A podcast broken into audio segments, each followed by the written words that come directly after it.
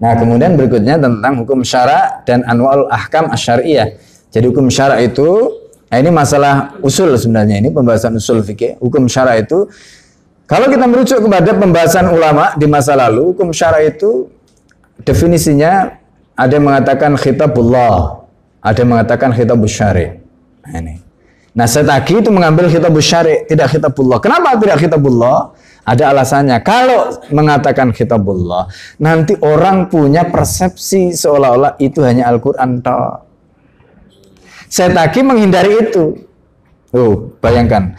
Padahal itu sama-sama benernya. Milih kitabullah sama kitabus syari aja dipilih sama pilih kitabus syari.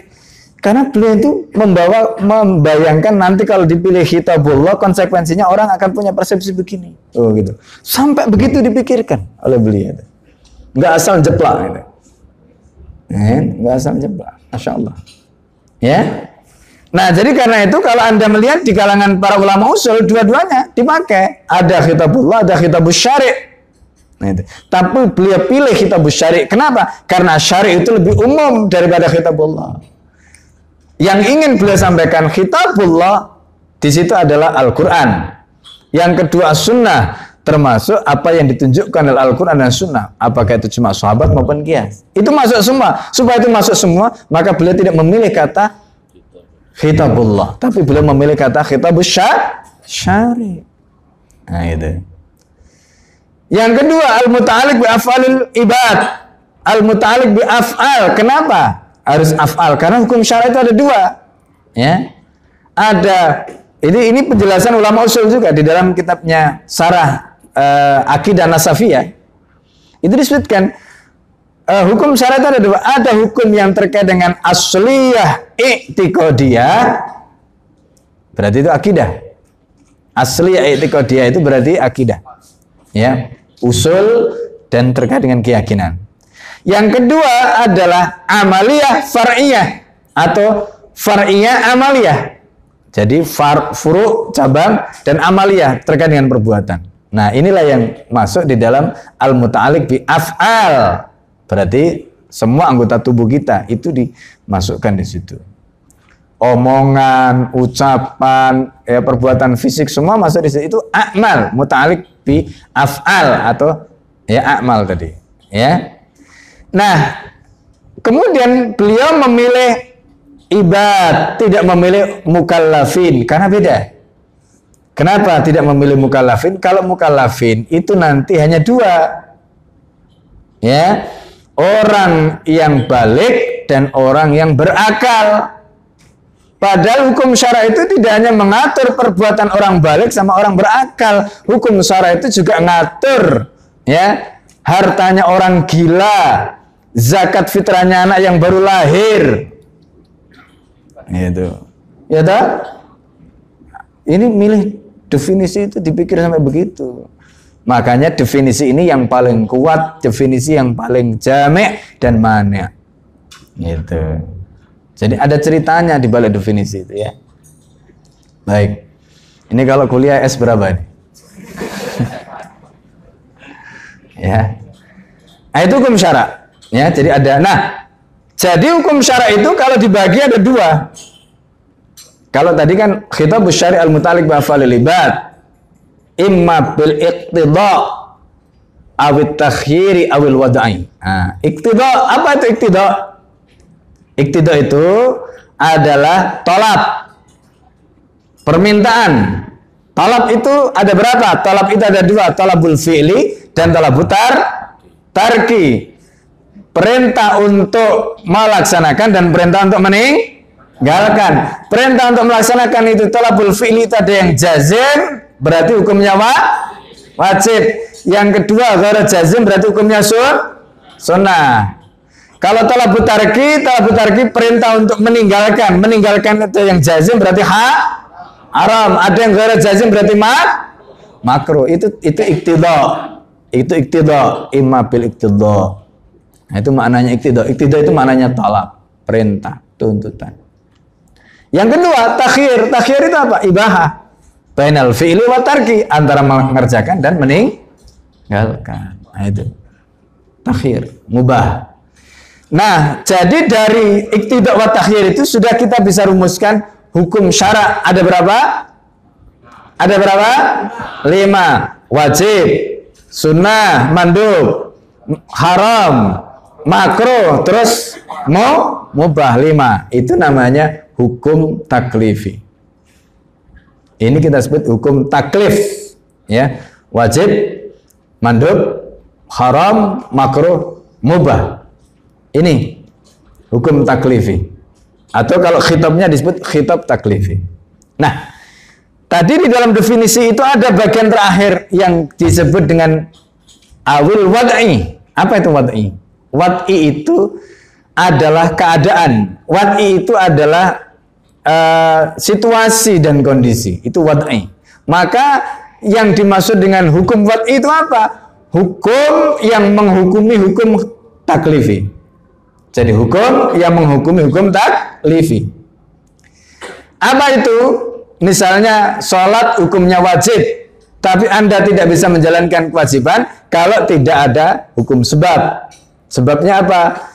Yaitu masuknya waktu, tergelincirnya matahari, tenggelamnya matahari, dan sebagainya. Itu namanya sebab. Jadi hukum sebab ini masuk dalam Hukum wadai menghukumi hukum taklifi. Hukum taklifi tidak ada hukum wadi nggak bisa. Contoh, sholat wajib. Kalau kita dikutub nggak ada matahari, bagaimana caranya? Nah, ini ini berarti bicara soal hukum taklifi dan hukum wadi karena hukum taklifi dengan hukum wadi itu jadi satu. Nah, dalam kondisi tertentu kadang-kadang hukum wadi itu diabaikan karena hukum asalnya adalah hukum taklifi. Contoh begini, Anda misalnya di penjara. Di penjara itu ya wajib sholat, tapi mau sholat nggak bisa. Kenapa? Nggak ada wudhu, tempat wudhu. Nggak mau tayamum, nggak bisa. Mau ganti baju, nggak bisa. Terus bagaimana caranya dalam kondisi seperti itu? Misalnya kita kalau dulu zaman dulu sama mahasiswa itu ada kereta api ya kayak pindang gitu. Ya, kayak ikan pindang kereta api apa KRL apa KRD atau apa dulu itu namanya ya. Jadi orang naik kereta api itu masya Allah saking banyaknya itu, nggak ada airnya, wes pokoknya serba darurat lah zaman dulu itu. Dalam kondisi seperti itu bagaimana kita mau sholat? Wudhu nggak bisa, tayamum nggak bisa, mau ganti pakaian nggak bisa, terus bagaimana? Nah di sinilah. Kalau kita bicara dalam konteks hukum taklifi, waktunya sholat wajib. Tapi wajibnya sholat kan nggak bisa kita kerjakan karena apa? Nggak bisa wudhu. Terus bagaimana kalau nggak bisa wudhu? Nah, saya tadi menjelaskan di dalam kitab Ahkamus Sholat. Dalam kondisi seperti itu, sholat saja.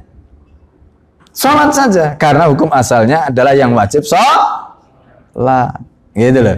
Hukum taklifi itu menyertai. Jadi kalau hukum wad, eh, maaf, hukum wadi itu menyertai. Kalau hukum asalnya itu sholat wajib, sudah. Kalau nggak ada Nah, kondisi-kondisi inilah yang kemudian nanti kita sebut ruhso, ada hukum azimah, Azimah itu berarti hukum asal. Misalnya kalau kita bisa toharo, wajib toharo. Kalau tidak bisa toharo, ada hukum rusuh. Nah, begitu. Tayamum, nggak bisa tayamum, ya sudah, sholat saja. Nah gitu. Itu namanya ada hukum sabab, ada hukum azimah, ada hukum rukhsah, ya kan? Ada hukum syarat, ya, ada mane, ada sah, batal dan fasad. Nah itu. Itu semua adalah pembahasan tentang hukum wadai. Hukum yang menghukumi hukum taklifi tadi. Anda jual beli, jual beli itu hukum taklifinya apa? Mubah. Di dalam jual beli ada syarat. Syarat itu hukum apa? Wadai. Nah, gitu caranya. Ya kan? Nah, begitu. Nikah hukum taklifi, mubah. Ya. Syaratnya apa? Itu hukum wadai. Nah, gitu. Ya kan? Nah, jadi ini ya gambaran yang harus kita pahami. Nah, itu pembahasan tentang hukum syara itu di situ. Nah, memang detailnya nanti dibahas di dalam pembahasan usul fikih. Tapi secara umum ya secara umum begitu ya uh, gambarannya begitu. Jadi, masya Allah ya, Anda belum belajar usul fikih sudah diajari ya kan usul fikih. Ini pembahasan usul fikih. Gitu. Ya, ini pembahasan usul fikih betul. Ya. Setelah kita membahas tentang hukum syara, kemudian anwa al ahkam syariah tadi, ada hukum wati, hukum taklifi tadi. Nah berikutnya kita membahas tentang sunnah. Sunnah di sini itu maknanya bukan sunnah dalam pengertian mandub. Ya, sunnah itu istilah istilah yang memiliki banyak makna mustarak. Bisa berarti sunnah itu maknanya masdar, sumber. Bisa berarti sunnah itu maknanya hukum, yaitu mandub. Ya kan? Nah, sunnah yang kita masuk di sini itu adalah sunnah dalam pengertian masdar, sumber. Pembahasan tentang at-ta'assi Rasul meneladani perbuatan Rasulullah ini pembahasan yang sangat penting. Di dalam kitab usul fikih tidak semua kitab usul fikih membahas pembahasan ini. Hanya kitab usul fikih yang kitab induk yang membahas ini. Ya. Uh, anda menemukan pembahasan at-ta'assi afil Rasul itu di dalam kitab Al-Jam, uh, maaf, Al-Ihkam fi Usul Ahkamnya Al-Amidi. Itu kitab usul fikih yang top ya. Jadi kita usul fikih yang top itu termasuk kita usul fikih yang besar itu. Ya, alikam usul akamnya alam ini. Kitab-kitab kecil ya, seperti aluma atau misalnya uh, warokotnya uh, Haroman Imam Al Haroman dan itu nggak akan agak akan ada temukan pembahasan itu. Ya, Ashbah Nadoir nggak ada. Ya, udah masuk duhur? Sudah ya? Baik, ya nanti insya Allah kita akan lanjutkan tentang uh, ta'asi Rasul insyaallah ya baik